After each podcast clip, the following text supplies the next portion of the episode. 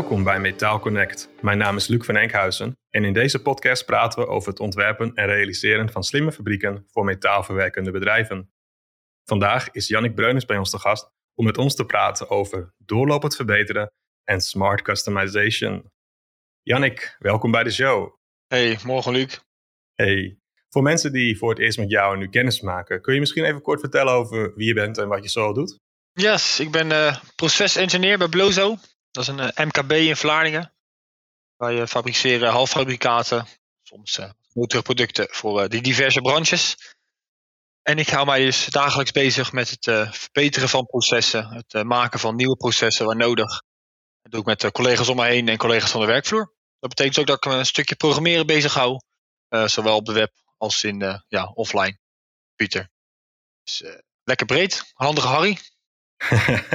ja, super. Ja, in het, dat, een leuke intro dat je dat ook zo afsteekt. Want eigenlijk telkens als ik jou weer spreek, als we elkaar tegenkomen, heb je weer iets nieuws uitgevonden. Hoe je iets slimmer hebt gedaan in je fabriek. Ik ben altijd heel onder indruk hoe, um, hoe creatief jij omgaat met het zoeken van oplossingen in je fabriek. En toen ik begon met deze podcast, werd ik al een paar keer meteen getipt van je moet Jannik echt even meteen interviewen. Want oh, hij heeft zo'n uh, zo'n goed verhaal altijd even wat, wat, wat we moeten uitvragen. Dus um, ja, super. Ik, ik kan niet wachten om te beginnen. Um, ik denk dat we even moeten beginnen met de, de aftrap van wat voor jou doorlopend verbeteren en smart customization betekent. Wat, wat, wat, wat, je, daar, wat je daaronder beschouwt. Kan je yes, meer vertellen? Ja, doorlopend verbeteren is een beetje van, natuurlijk van de Engelse term uh, continuous improvement. Uh, dat is, uh, is ontstaan met het idee dat je als bedrijf ja, niet om zoveel tijd eens moet nadenken wat je beter kan doen. Of uh, goh, we gaan eens reorganiseren. Of we gaan eens een nieuw softwarepakket of machine kopen. Maar dat je eigenlijk gewoon uh, ja, continu bezig bent om, om, om dingen beter te doen. Um, daar stem je dus ook je bedrijf op af. Dus nou, vaak heb je iemand in dienst of iemand van buitenaf die daarbij helpt. En het moet ook een beetje onderdeel van je cultuur zijn. Hè? als mensen bezig zijn met een proces, moeten ze met ideeën kunnen komen.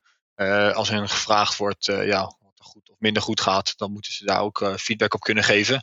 En wat ik ook geleerd heb, dat heel prettig is als je bedrijf ook met fouten om kan gaan. Dat als je iets nieuws hebt dat, uh, en dat werkt niet lekker, dat mensen dan niet helemaal uh, van slag zijn. Dus dat is volgens mij uh, ja, het continu verbeteren is. Ehm, ja, smart customization is dat je daar toch, toch over nadenkt, specifiek voor jouw bedrijf. Dat je natuurlijk tientallen jaren geleden kon je softwarepakket kopen en dan kon je wel een aantal jaar vooruit.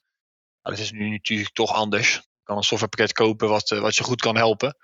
Maar je gaat echt pas het verschil maken als je erover nadenkt uh, hoe dat specifiek voor jou afgestemd kan worden. Ja, inderdaad. Mooi samengevat als het specifiek voor jou afgestemd kan worden.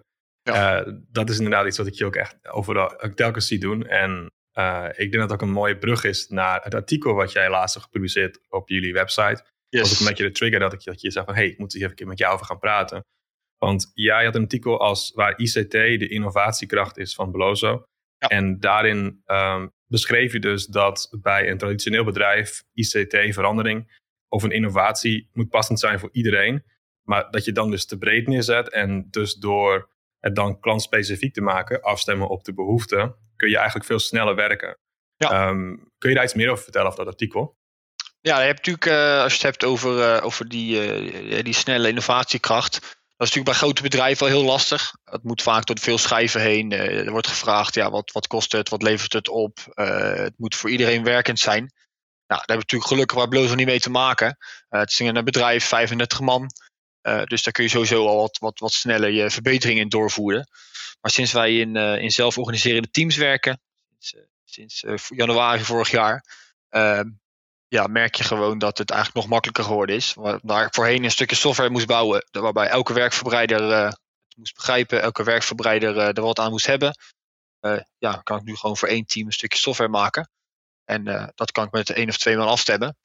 En zij kunnen met ideeën komen. En als het goed werkt, zijn ze er blij mee. En dat hoef ik niet met ja, echt het hele bedrijf te doen. Ja, ja, inderdaad. Ja, wat gaaf. Uh, voor de mensen die, die nog niet, misschien nog niet bekend zijn met wat zelforganiserende teams zijn. Uh, jij bent natuurlijk bezig met quick response manufacturing. Nou, bezig, je zit echt in het DNA van jouw bedrijf. Uh, ja, ondertussen ja. wel. kun je misschien iets meer vertellen over hoe je daar bent gekomen, waar je nu staat? Ehm, ja, we zijn in 2017 met QRM begonnen, Quick Response Manufacturing. En als ik het even heel erg plat sla, dan ga je gewoon kijken naar je white spaces, je, je, de, de momenten in je proces waarbij je in dit geval niks met je product doet. En daar ga je naar kijken van, goh, hoe kan ik die elimineren of, of verkorten. Um, en op die manier, ja, simpelweg hou je daardoor overhead uit, uit, je, uit je bedrijf weg, uit je, kostprijs weg. Uh, verder ga je ook je, korte, je doorlooptijden korter maken. Ja, en dat is natuurlijk iets waar klanten op zitten te wachten. Als jij en ik als consument iets op bol.com bestellen, dan willen we het eigenlijk uh, de volgende dag in huis of maar misschien twee dagen later. Maar bij bedrijven is dat wat lastiger. Zeker als je natuurlijk een productiebedrijf hebt. Uh, maar toch, ja, ook die markt verandert. En je ziet dat toch heel veel klanten het prettig vinden als je met een kortere doorlooptijd je product kan leveren. Dus dat zijn die voordelen van, van QRM. Nou, zijn we in 2017 weer begonnen. En dat heeft, heeft zijn vruchten afgeworpen. Um, en op een gegeven moment hebben we het over gehad van ja, wat gaat dan die volgende stap worden? We hebben verschillende ideeën gepitcht. En dat werd uiteindelijk ja, werken in teams.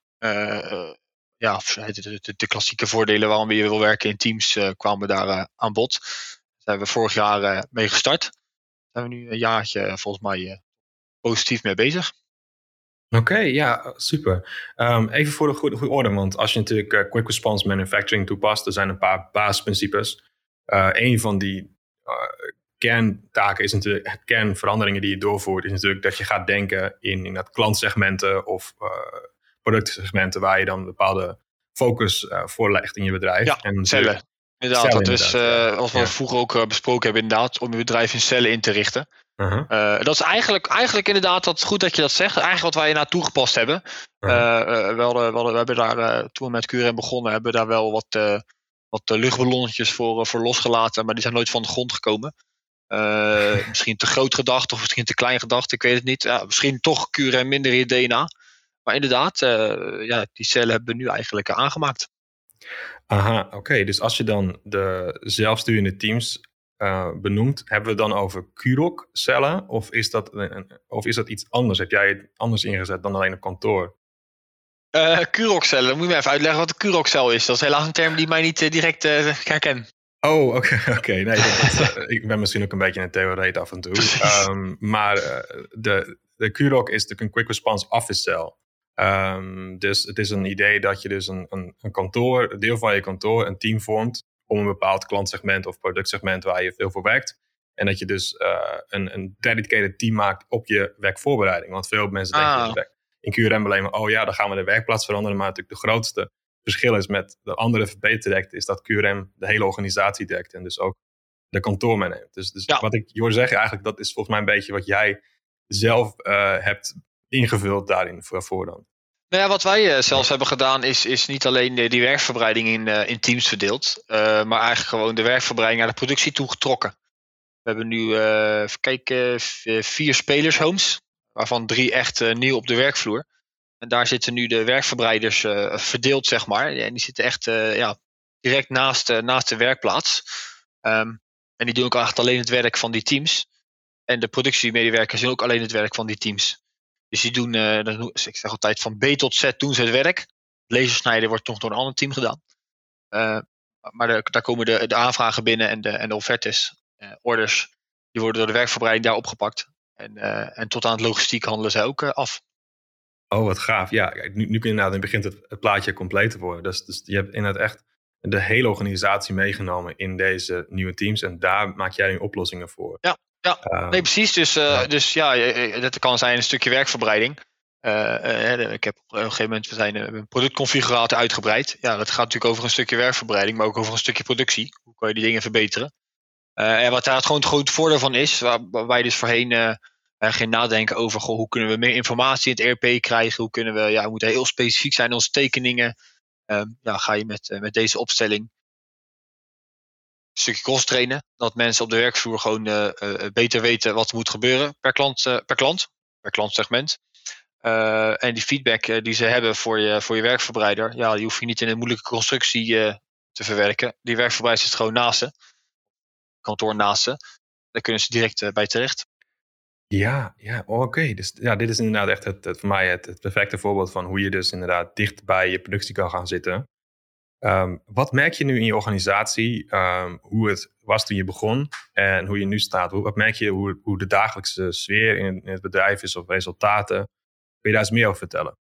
Nou ja, goed, kijk, kijk ehm, vroeger had je altijd, uh, de werkverbreider deed wat. Als ik het heb over heel vroeger, dan deed hij iets en dat werd dan soms maanden later opgepakt, hè, want dan gingen we het plannen. Ja, en als dat dan niet goed voorbereid was, of dat was onduidelijk om wat voor dan ook, dan kwam iemand naar boven toe en die kwam allemaal weer vragen stellen. En goh, hoe zit dat, hoe zit dat? Of uh, ja, we doen het op die manier, maar is dat nog goed of zo? Nou, allemaal hoop vragen. En ik denk dat die vragen heel veel afgenomen zijn. Ook als je het hebt over een stukje, stukje rust. Die rust op de werkvloer die is gewoon uh, enorm toegenomen. Mm Ja, mooi. Ja, de rust en, en wat merk je dan als je kijkt naar, naar het team op de werkvloer? Uh, als ik naar, jou, als ik naar jouw uh, business kijk, als ik bij je langskom, als ik naar je website ga zelfs, het, het draait allemaal bij jou om de mensen. Je hebt overal mooie posters ophangen met wij doen het samen. Yes. Uh, dat vind ik altijd zo bijzonder. Wat, hoe, hoe is dat geweest om je organisatie achter het systeem eigenlijk te, de, de, ja, het ja, dat is, organisatie? Heel veel praten, heel veel proberen. Kijk, jij en ik kunnen een avondje gaan zitten en dan hebben we een API uitgedokterd. En in het slechtste geval duurt dat een weekje. Maar uh, om echt die cultuur te veranderen, ja, daar gaan echt wel een aantal jaren, aantal jaar overheen gegaan. En daar zijn we nog steeds kaart mee bezig. Omdat het gewoon heel uh, uitdagend is om dat, uh, dat te veranderen. Maar ik denk wat het hele grote voordeel was van, van werken in teams, is dat men echt wel begrip voor elkaar gekregen heeft. Ik heb echt mensen op de werkvloer die nu zeggen van ja, ik begrijp nu waarom die, waarom die, waarom die calculatie van bepaalde prijzen op die manier gedaan werd. Of, of bepaalde uitspraken die in het verleden gedaan zijn. Daar hebben ze veel meer begrip voor. Uh, maar hetzelfde geldt voor de werkverbreiders en verkopers wat dat betreft. Ja, die draaien af en toe mee in de productie. Dus die begrijpen dat het vervelend is.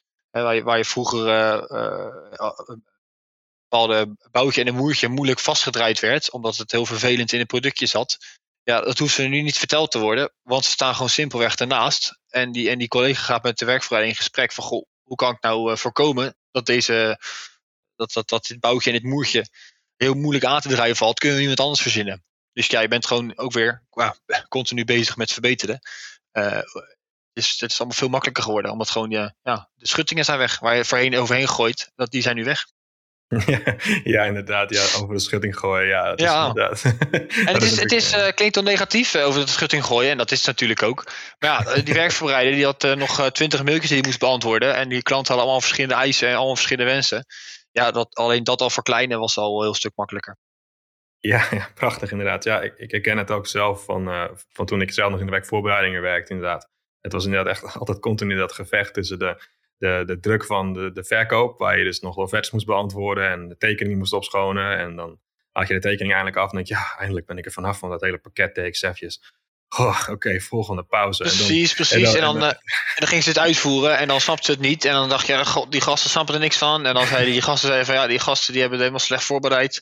Weet je, ja. en, en ik, ik, ik geloof ook echt niet, hè, want je kan natuurlijk zeggen van ja, dan moet je inderdaad betere tekening maken en een betere. Maar ja, dat is, ja, soms moet je gewoon, uh, uh, ja, je moet daar samen in groeien, zeg maar. Je moet samen een bepaalde manier ja, groeien in wat voor product je wil afleveren en hoe je met bepaalde zaken omgaat.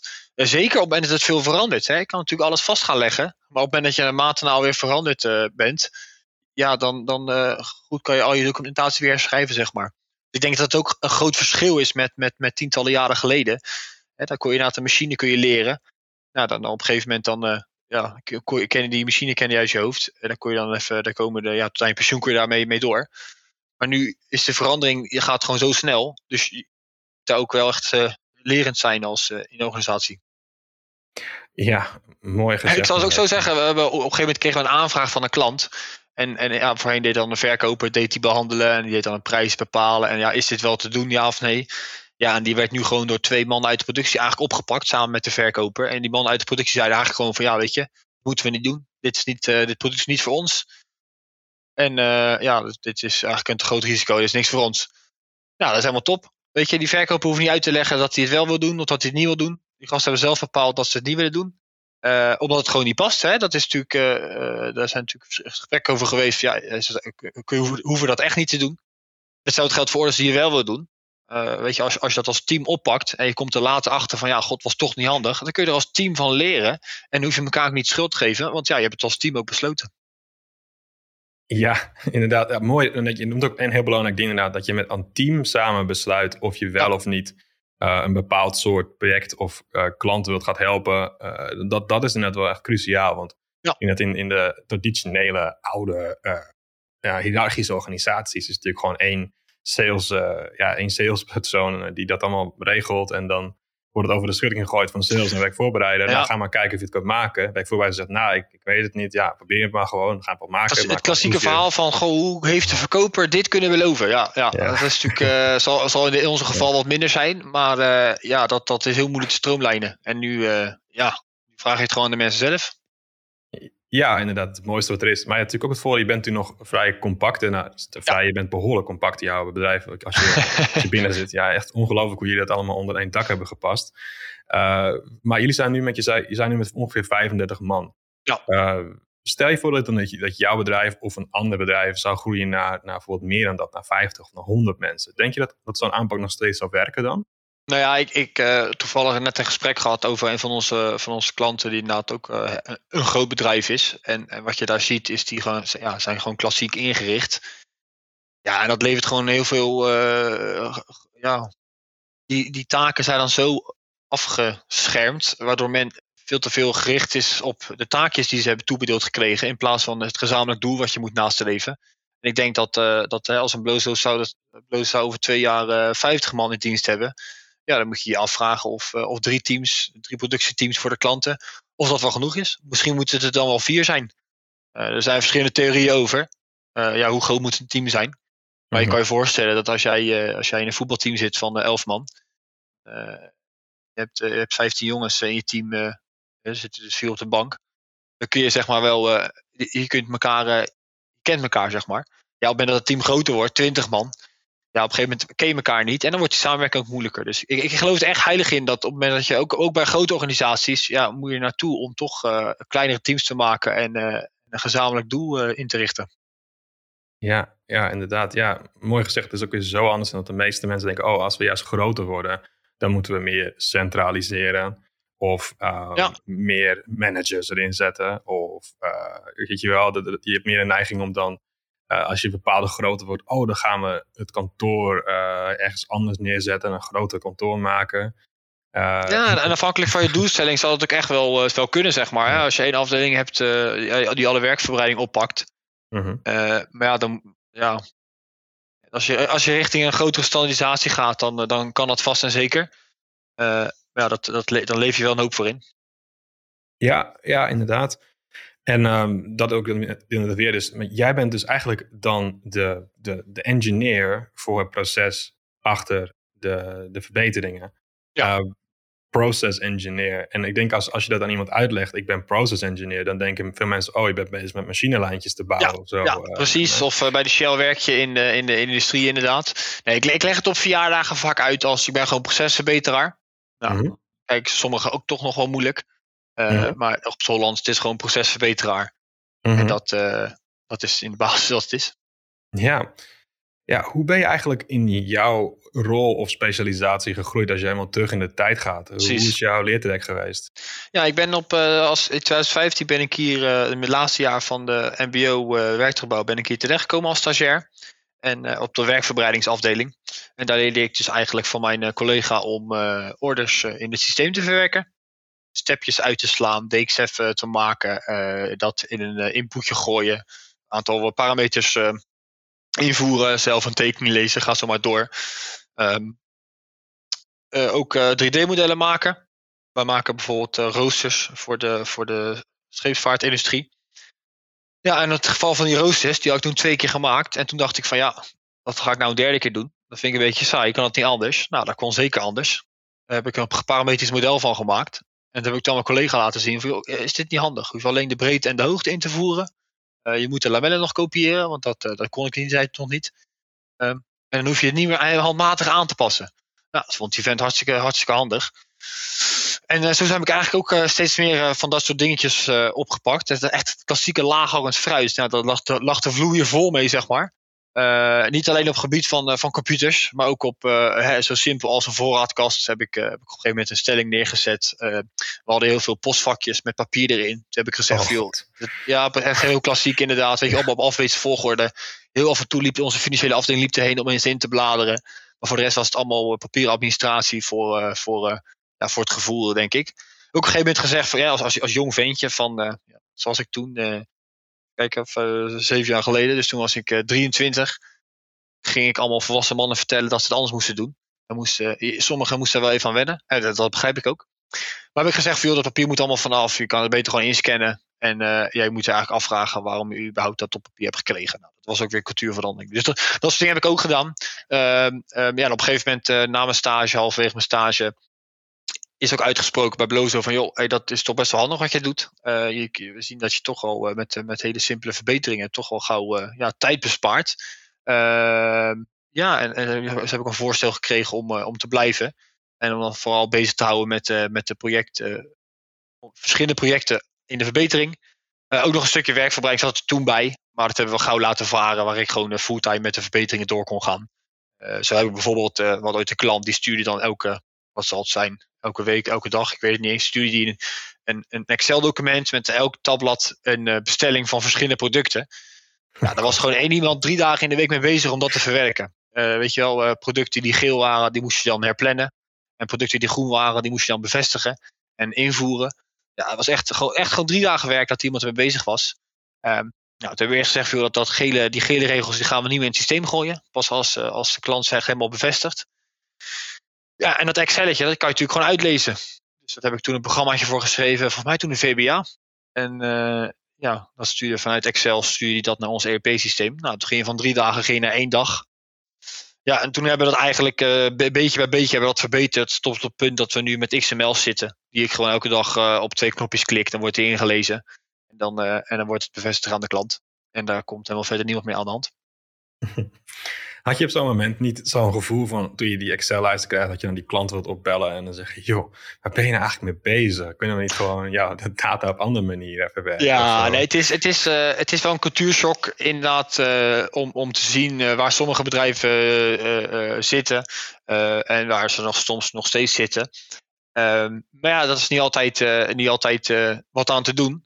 En sommige bedrijven vinden dat ook gewoon moeilijk. Ik bedoel, ik heb op een gegeven moment hier bij het bedrijf heb ik, uh, het faxnummer uh, uit ons uh, overzicht in de ERP weggehaald. Dat stond in een layout, zeg maar, kon je de faxnummer invoeren. Die heb ik gewoon weggehaald. Ik zei, ja, dat is allemaal niet nuttig, niet nodig. dat soort kleine dingetjes. Ehm, ja, soms heb je wel eens contact met een klant. Gewoon, waarom lever je dat op die manier aan? Ja, dat, dat, that's the way it's always been done. Um, maar soms heb je wel eens de, de, de behoefte inderdaad om een klant of leverancier door midden te schudden. Maar ja, moet je niet doen. Moet je netjes blijven. die komen ergens vandaan, weet je. Die hebben het op die manier geleerd. En dat is ook wel te begrijpen.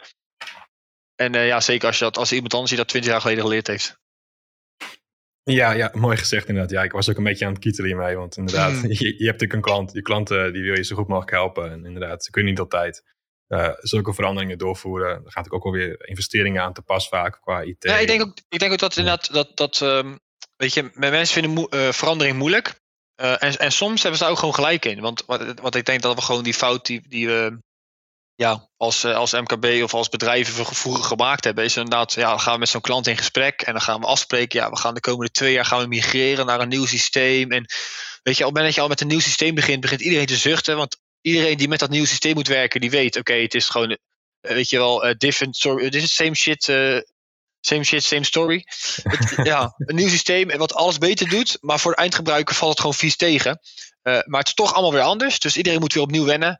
En na een paar jaar gaan ze hetzelfde riedeltje af. Dus uh, ik denk dat, dat die bedrijven ook aangeleerd hebben, ja, eh, die verbeteringen, dat, uh, dat zijn geen verbeteringen, dat is alleen maar moeilijk. En degene met de langste adem, die, die wint dan. Maar dat hebben wij niet. Dus ik denk dat je ook dat soort ja, je moet ook van die cultuur af dat we naar grote verbeterprojecten moeten, een eindoplossing. Want die eindoplossing bestaat niet. Uh, bezig zijn met die verbetering en niet met de eindoplossing. Ja, inderdaad. Het gaat om dat je inderdaad, je, volgens, in mijn beleving tenminste, dat je een relatie met een klant kan hebben. Dat zij op jou kunnen rekenen als een betrouwbare leverancier. Die ook de flexibiliteit heeft die zij zoeken. Voor de prijs die ze zoeken. En dat je ook natuurlijk als je zo'n samenwerking hebt, dat zo aangenaam mogelijk maakt voor beide partijen. Want uiteindelijk de lange termijn is waar je het mee, mee moet doen. Ja. Ik bedoel, de, de, de, je, kan, je hebt een grote variatie van werk wat je natuurlijk verwerkt. Ehm, e-, even om, om daarop terug te komen van het begin. We zeiden in het begin doorlopend verbeteren. Nou, daar ben je volledig uh, helder over. En dat is echt, dat zie ik in alles wat je doet. Het zit echt in het DNA van, van jou en je, je, je bedrijf waar je werkt. Uh, maar voor het onderwerp smart customization. Um, wat, uh, wat zijn dan daar voorbeelden van waarin je merkt van kijk, dat is nou echt voor ons een voorbeeld van smart customization waar, waar wij hier nu op moeten focussen, waar moeten wij iets mee doen? Wat zijn bij jou voorbeelden als ik zeg smart customization bij jou in je business, waar denk je als eerste aan dan? Uh, ja, dan komt meteen die, uh, alarmlamp, die komt bij mij omhoog. Ehm, we hebben ooit een, ook een procesje wat flink, flink veranderd is. Ehm, maar dat was met herstelwerk. dus we hebben een product dat wordt gesneden en gekant. En bij het kanten gaat er iets mis. Dus van de 20 stuks moeten er twee opnieuw gesneden worden. Die moeten opnieuw gekant worden. Nou, fout wordt, waar gewerkt wordt, maakt men fouten. Dat gebeurt wel eens. Maar dan werd er, is een procesje ingericht. En dan kwam er dus boven, boven in het kantoor van de leesafdeling kwam een papiertje te liggen met dit moet je opnieuw snijden. Maar ja, die gasten zijn gewoon aan het werk. Die lopen beneden rond. Dus hoe kunnen zij weten dat er wat, moet, dat er wat nieuws gemaakt moet worden? Nou, ik heb met die gasten rond de tafel gezeten van, goh, in een ideale wereld, als je alles mag wensen, wat zou je het liefst willen zien? Nou, zeiden ze, we willen eigenlijk gewoon een lamp hebben hangen beneden. En uh, als die lamp afgaat, dan weten wij dat we even naar boven toe moeten. Om te kijken of, uh, ja, wat wij moeten gaan doen. Wacht even, dus voor de goede orde. Je hebt een lamp, dus ik, ik, ik, ken het verhaal op mezelf wel. Ik heb het met je een keer bekeken, maar even voor de luisteraar. Dus dit is inderdaad voor mij een, een ideaal voorbeeld. En dank je voor de, de reminder, ja. Want ja. inderdaad, het was me even weggezakt dat jij dat hebt gedaan.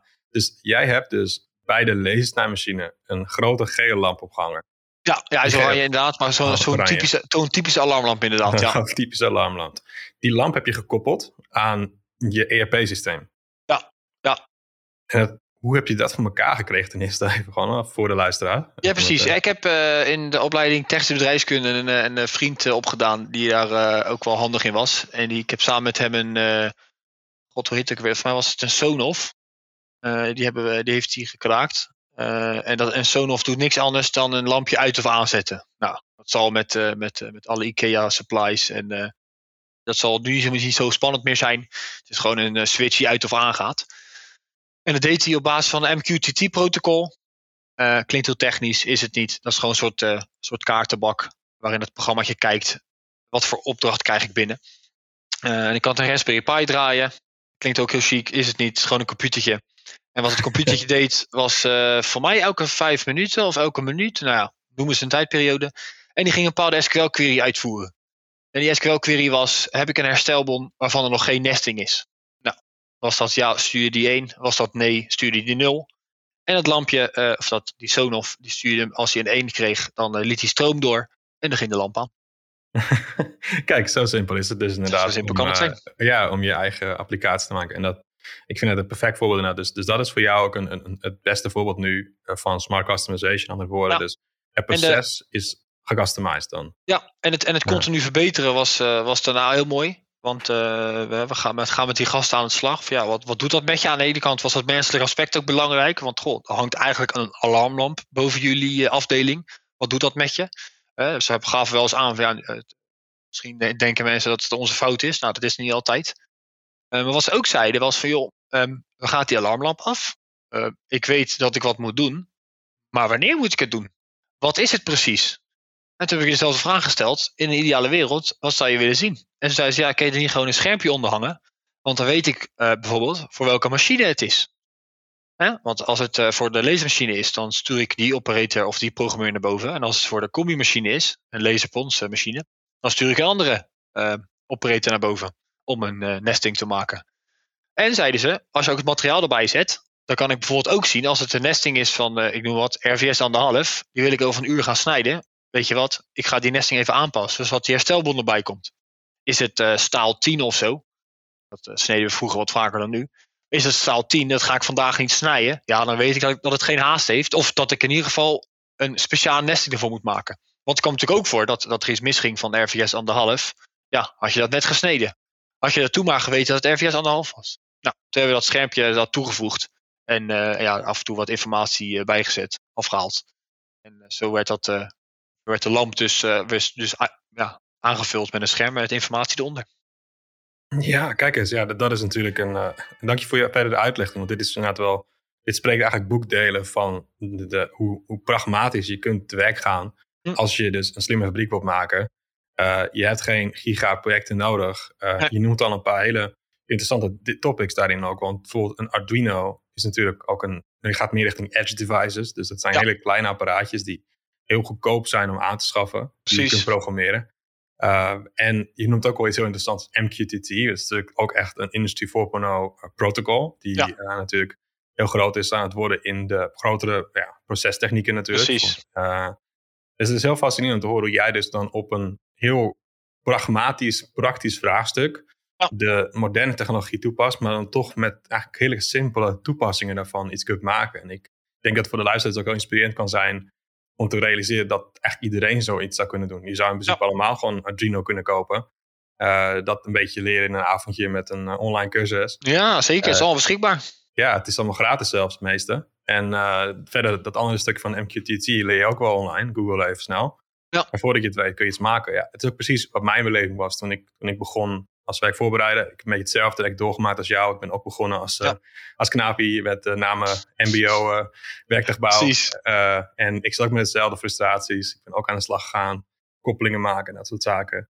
En het, het, het fascineert me gewoon dat, dat, dat als ik dan met andere ondernemers praat over een soortgelijke stap te maken, omdat ze nog met een software zitten uit het jaar krijt, dat ze dan heel moeilijker over denken dat het heel groots moet zijn om een stapje te maken. Maar het valt eigenlijk wel mee. Je moet alleen continu eraan werken. En als je continu stappen maakt, dan uh, op het einde van de rit kom je ergens pas. En ik denk dat dat echt, dat bij veel bedrijven dat gewoon in die organisatiecultuur gebracht moet worden. Dat ze inderdaad continu uh, bezig mee zijn, ja. ja. En, uh, en, en, op de lange termijn, wat we nu doen is, is nuttig voor, voor de korte termijn, maar uiteindelijk ook voor de lange termijn. Weet je wat, op een gegeven moment moet je die, moet je die uh, veranderingen, daar moet, je, daar moet je in groeien.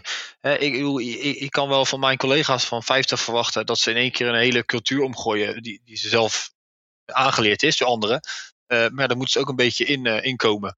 Dus het is helemaal niet raar dat je dat in de kleine stapjes doet. Ik weet niet of uh, Simone Geertje wat zegt. Dat is, haar andere titel is The Queen of Shitty Robots.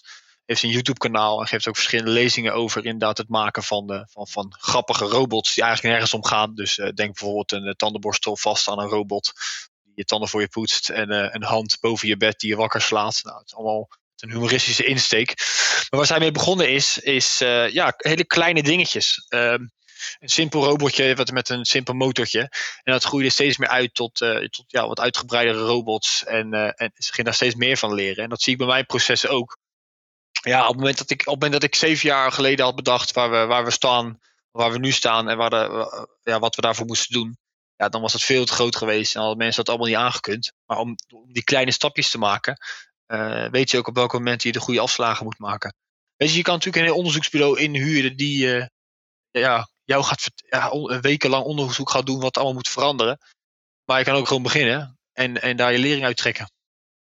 Ja, inderdaad. Ene, enerzijds de beste manier, inderdaad, dat ben ik met je eens. De beste manier om iets te leren is door het gewoon te doen. Door ermee aan de gang te gaan. Je mouw opstropen, te gaan rommelen. Maar ik denk dat het wel belangrijk is dat als je, uh, vooral als je al iets groter bent, maar als je dus een organisatie bent, ik denk over de 30, 40, 50 of 100 mensen, dan, dan heeft het toch wat meer voet in de aarde, denk ik, om een verandering door te voeren. En dan is het denk ik ook wel goed om altijd even, een, even uit te zoomen en even een, een, een plan te maken wat je nodig hebt. Ik noem het altijd een digital factory stack. Gewoon even een piramidetje maken met welke programma's heb je eigenlijk allemaal, uh, nu al. En hoe werkt dat nu samen met elkaar? Uh, en vervolgens even een plan trekken van hoe zou je dat dan allemaal aan elkaar kunnen gaan koppelen. Uh, met welke doel en welk probleem wil je oplossen. Ik denk dat je begint altijd te zoeken. Ik heb ook een, laatst nog een blog uitgestuurd. Het was dan, je moet beginnen met het uitzoeken van je duurste probleem. Dat je dat nu zegt van nou, de, continu wordt er iets vergeten. Er wordt iedere keer moet, had iets meegesneden kunnen worden of er wordt iets fout gesneden. Dan is dat een heel mooi voorbeeld van een duur probleem waar je heel snel gewoon doelgericht kunt zeggen, oké, dat, als we dat alleen kunnen oplossen, dan besparen we een ton per jaar aan materiaaluitval of zo. En dus uh, dan is het het project meteen waard. Dus dat vind ik altijd een perfect voorbeeld. Ja. Klopt. Ja. je moet ook weer voorkomen dat je in dit geval software gaat schrijven wat toch gewoon op de markt is. Dan moet je het alle tijd zien te voorkomen natuurlijk. Uh, ja. ja. Ja, inderdaad. Nu, daarop komen we komen denk ik met je aan het einde van onze dialoog hier al een beetje. Maar ik stelde iedereen eigenlijk de vraag, en dat vind ik altijd in de gaaf, wat, ehm, wat mensen beschouwen. Er is even een brug, want jij noemt nu niet zelf software schrijven. Er zijn veel apps, je kan alles aan elkaar koppelen. Dus mijn vraag is eigenlijk, en misschien heb ik daarmee al een deel van de vraag beantwoord, maar ik ben toch even nieuwsgierig hoe jij hem ervaart. Is van, wat is iets wat volgens jou mensen vaak verkeerd begrijpen over Industrie 4.0? Ja, waar, ik meteen aan denk is, uh, alhoewel het een tijdje geleden is dat ik bij zo'n beurs geweest ben, ik ga er morgen weer heen, maar dat je in zo'n zaaltje zit en dat uh, mensen achter in de zaal vragen wat, uh, vragen wat kost het en wanneer heb ik het terugverdiend. En ja, dat, dat gaat zo werkt het gewoon niet. Ik denk dat je dat industrie 4.0, ehm, ja, dat zijn heel veel bedrijven, we zijn daar nog lang niet. Um, maar het is niet iets wat je eventjes koopt, eventjes implementeert en eventjes uitvoert. Nee, het is iets waar je als bedrijf gelijk naar, geleidelijk naartoe moet werken. En uh, ja, op die manier ook moet meenemen in je cultuur. Uh, meenemen in, in hoe je machines aanschaft, hoe je software aanschaft, hoe je mensen selecteert. Um, en niet zomaar even iets wat je, wat je uitvoert. Ja, inderdaad, mooi gezegd. En dat ben ik inderdaad met je eens. Het is inderdaad een, een transitie in de manier hoe je werkt en wat we doen. In plaats van dat je gewoon iets koopt wat op de plank ligt, het aansluit en het draait. Het is gewoon ja ik zeg altijd, in mijn beleving, de, de, derde, industrie, de derde industriële revolutie was inderdaad het aanschaffen van machines die automatiseren. Dus uh, je hebt een robotje bij je of een, een beladingsrobotje bij een machine staan en zo. En uh, de vierde is eigenlijk niet dat je een machine koopt, maar dat je alles aan elkaar gaat vastknopen met de beste oplossingen, totdat je een, ja, een samenwerkend systeem kunt realiseren. Zie jij dat ook zo? Um, dat het, je moet dan het verschil tussen industrie 3.0 en 4.0? Ja, inderdaad, ja. Ja, nee, ik denk dat dat, dat inderdaad, uh, ja. Kijk, eh, ook, bij Industrie 3.0 is het lastig om, om te zeggen, ja, ik ga een machine kopen en, uh, en dat is het. Want ja, in heel veel gevallen, zeker in het geval, geval van de robotica, ja, moet je dat toch ook echt op je proces weten af te stemmen. Uh, alle, alle factoren zijn nog belangrijk. Naast, naast, naast de robot. dus ja, ook, ook daar is het lastig. Maar industrie 4.0 gaat inderdaad toch wel meer, nog meer richting je cultuur. Ja, ja inderdaad. De DNA van, van het bedrijf. Ja, het DNA inderdaad. Dat, dat het juiste woord is inderdaad. Het is een beetje als agile werken. Je kunt niet zomaar eventjes agile implementeren. Agile is een, is een manier van werken, is een, is een manier van denken. En niet, niet een bepaalde ja, manier, uh, processen die je instuurt. En uh, ja, donderdag half vier uh, hebben we de cultuurverandering gepland. Ja, klopt inderdaad. Precies wat je zegt. En toen ik begon met mijn consultancywerk, ik dacht ook eerst wat ik in school had geleerd. Je moet grote projecten maken met grote projectplannen. Uh, vervolgens ga je uh, een, een kostenruim maken van het budget. Dan ga je een, een terugverdientijd proberen te berekenen. En dan begin je eraan. En dan ga je een half jaar langer keihard aan werken. En aan het einde van het half jaar is in één keer alles opgelost. Ja. Nou, helaas, dat werkt niet zo meer tegenwoordig met alle veranderingen in de software. Tegen die tijd dat het project alweer live is, dus heeft alweer het volgende pakket een update gehad of is er een nieuwe app ja, Dus, dus hoe langer die ontwikkeltijd, hoe groter is het risico dat je dus gewoon jezelf uh, inhaalt. Ja, ja, klopt inderdaad. Ja, ik heb hetzelfde met, ook met consultancy trajecten. Dat dan, dan spreken we als met een klant en hebben we een, een half jaar, zit er soms wel eens tussen dat we misschien tot een pack komen te starten. En dan, en dan vraagt de klant als kunnen we datzelfde pack dat we toen besproken hebben, dan nu nog opstarten? Dan zeg ik altijd, ja, sorry, nee, dat, dat kan ik je nu niet meer toezeggen, want ik weet niet of je situatie al veranderd is. Ja, ik precies. Weet niet of die, die klant die jij had überhaupt nog bestaat, of dat, dat je, uh, heeft die klant dan misschien weer andere vraagstukken gekregen. Misschien hebben ze een nieuw uh, tekenpakket gehad of zo, en nu werkt alles niet meer zoals we bedacht hebben. Ja, ik, ik heb het ook ooit van school meegekregen is je, als je een model maakt, uh, dan, dan, uh, en, en er komt iets uit, dan ga je, dat heeft invloed op het model. Als jij mensen gaat interviewen op de werkvloer, hoe zij hun werk doet, en je gaat kritische vragen stellen, uh, dan is de kans groot dat zij het interview uitlopen en gaan nadenken over hun eigen proces. Dus dat betekent dat jij dan, eigenlijk is jouw informatie al verouderd op het moment dat zij het proces, op het moment dat zij het interview uitlopen. Want zij gaan al nadenken van, goh, kan ik misschien iets anders doen? Dus op het moment dat het dan te lang duurt, ja, dan is hun, eigenlijk hun situatie al veranderd. Ja, het is altijd zo'n mooie vraag van waarom is dit nog niet eerder opgelost? Vraag je dan. En dan ja. zie je iemand van, ja, waarom is het eigenlijk niet eerder opgelost? Wacht even, wat houd je nog tegen om te beginnen? Ja, eigenlijk. Nee, ja, ik moet eigenlijk alleen even aan, uh, aan die jongen vragen of je die bestanden nog even kan opsturen. Ja, precies. Dit doen. Oh, oké, okay, ja, oké, okay, nou prima, dan kunnen we het gewoon doen. En dan is het ja, oké, okay, nou dan opgelost toch? Ja, dan kunnen we gewoon beginnen. Ja. Even alleen over te praten. Ja, Right, ja, eh, super mooi. Ik denk dat het ook een mooie, mooie samenvatting is. Want dat inderdaad het grote verschil. En dat alles op maat maken, doorlopend verbeteren, um, alles aan elkaar koppelen. En ehm, ik denk dat we daarom ook wel een goede inkijk hebben gekregen van hoe jij uh, te werk gaat als process engineer. Ik vind het heel fascinerend. Ehm, is er misschien nog iets wat je zou willen meegeven aan de luisteraars als een algemene tip? Misschien als je ergens een reclamebord zou mogen neerzetten langs de snelweg. Wat zou je erop mogen willen zetten? Ja, ik, ik, uh, ik, ik reclamebord. God, ik weet, niet of, ik weet niet of dat nog voor het bedrijf zou gebruiken of gewoon uh, een, een, mooie quote op zou zetten. Maar uh, ik, ik, ik, ik, moet altijd denken aan, aan, aan, aan Nike. Weet je, just do it. En dat is dat je, je kan het eigenlijk niet fout doen. Hè. Vroeger zeiden ze als je, als je, je mag fouten maken. maar voor mij was het Elon Musk die zei: als je geen fouten maakt, doe je het verkeerd. Want dan ben je dus niet, niet innoverend genoeg bezig. Je moet, je, moet, je moet aan de slag gaan. Weet je, en op het moment dat jij een half jaar bezig bent met een bepaalde XML-implementatie, dat heb je dan gedaan. En, een, en, een, en drie maanden later komt de, komt de leverancier of de klant komt met heel iets anders aan. Dan denk je van ja, ik heb drie kwart jaar verspeeld. Maar je hebt ook gewoon superveel geleerd van die drie kwart jaar. Want de volgende implementatie, die, die doe je veel sneller en doe je veel beter. Dus ja, wees niet bang om tijd te verspillen. Uh, ja, tuurlijk.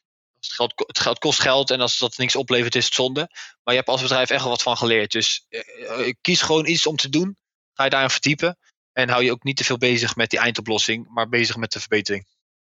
Just do it. Just do it. Dat was echt een geweldige, uh, geweldige afsluiting. Ja, mooi. Daar gaan we hem bij laten. Yes. Um, waar kunnen mensen meer over jou te weten komen online? Ja, uh, ja mijn persoonlijke website, jannikbruins.nl, is nog niet zo spannend. Dus uh, ik denk dat vooral op uh, blozo.nl, dan blozo met een Z, daar kan je wat leuke dingen op zien. Inmiddels is die website ook wel weer snel. Dat hebben ze op weten te lossen. En de nieuwe versie van de website die komt hopelijk binnen een aantal weken ook online. Dus ik zou vooral daar lekker op kijken. Ja, inderdaad. Ik zal nog toevoegen in de artikelen ook over jullie ja. aanpak van QRM over de tijd. Het is heel mooi te zien hoe jullie dat Precies. als een mission statement hebben neergezet. En dan waar jullie nu staan op dat de ICT als innovatiekracht. Het is echt zeker wel interessant leesmateriaal. Ja. Um, ja, perfect. Hartstikke bedankt dat je hebt meegedaan aan de Metaal ja. podcast. Leuk dat je uitgenodigd hebt. Het is een eer dat ik toch als tweede gast hier aan mag sluiten. En uh, ja, ik heb toch nog een keer in de podcast gezeten. Hè? Toch iets van mijn bucketlist weten te schrappen. Ja, hopelijk mag ik je nog een keer uitnodigen ja, in de bij toekomst. Het zou leuk zijn man. Dan hebben we weer een onderwerp om over te praten. Vast en zeker, altijd. Super. Oké, okay, nou mensen, dat was het weer voor vandaag. Ik ben Luc van Enkhuizen en ik hoop dat je volgende keer weer meeluistert naar de Metaal Connect podcast. Tot ziens.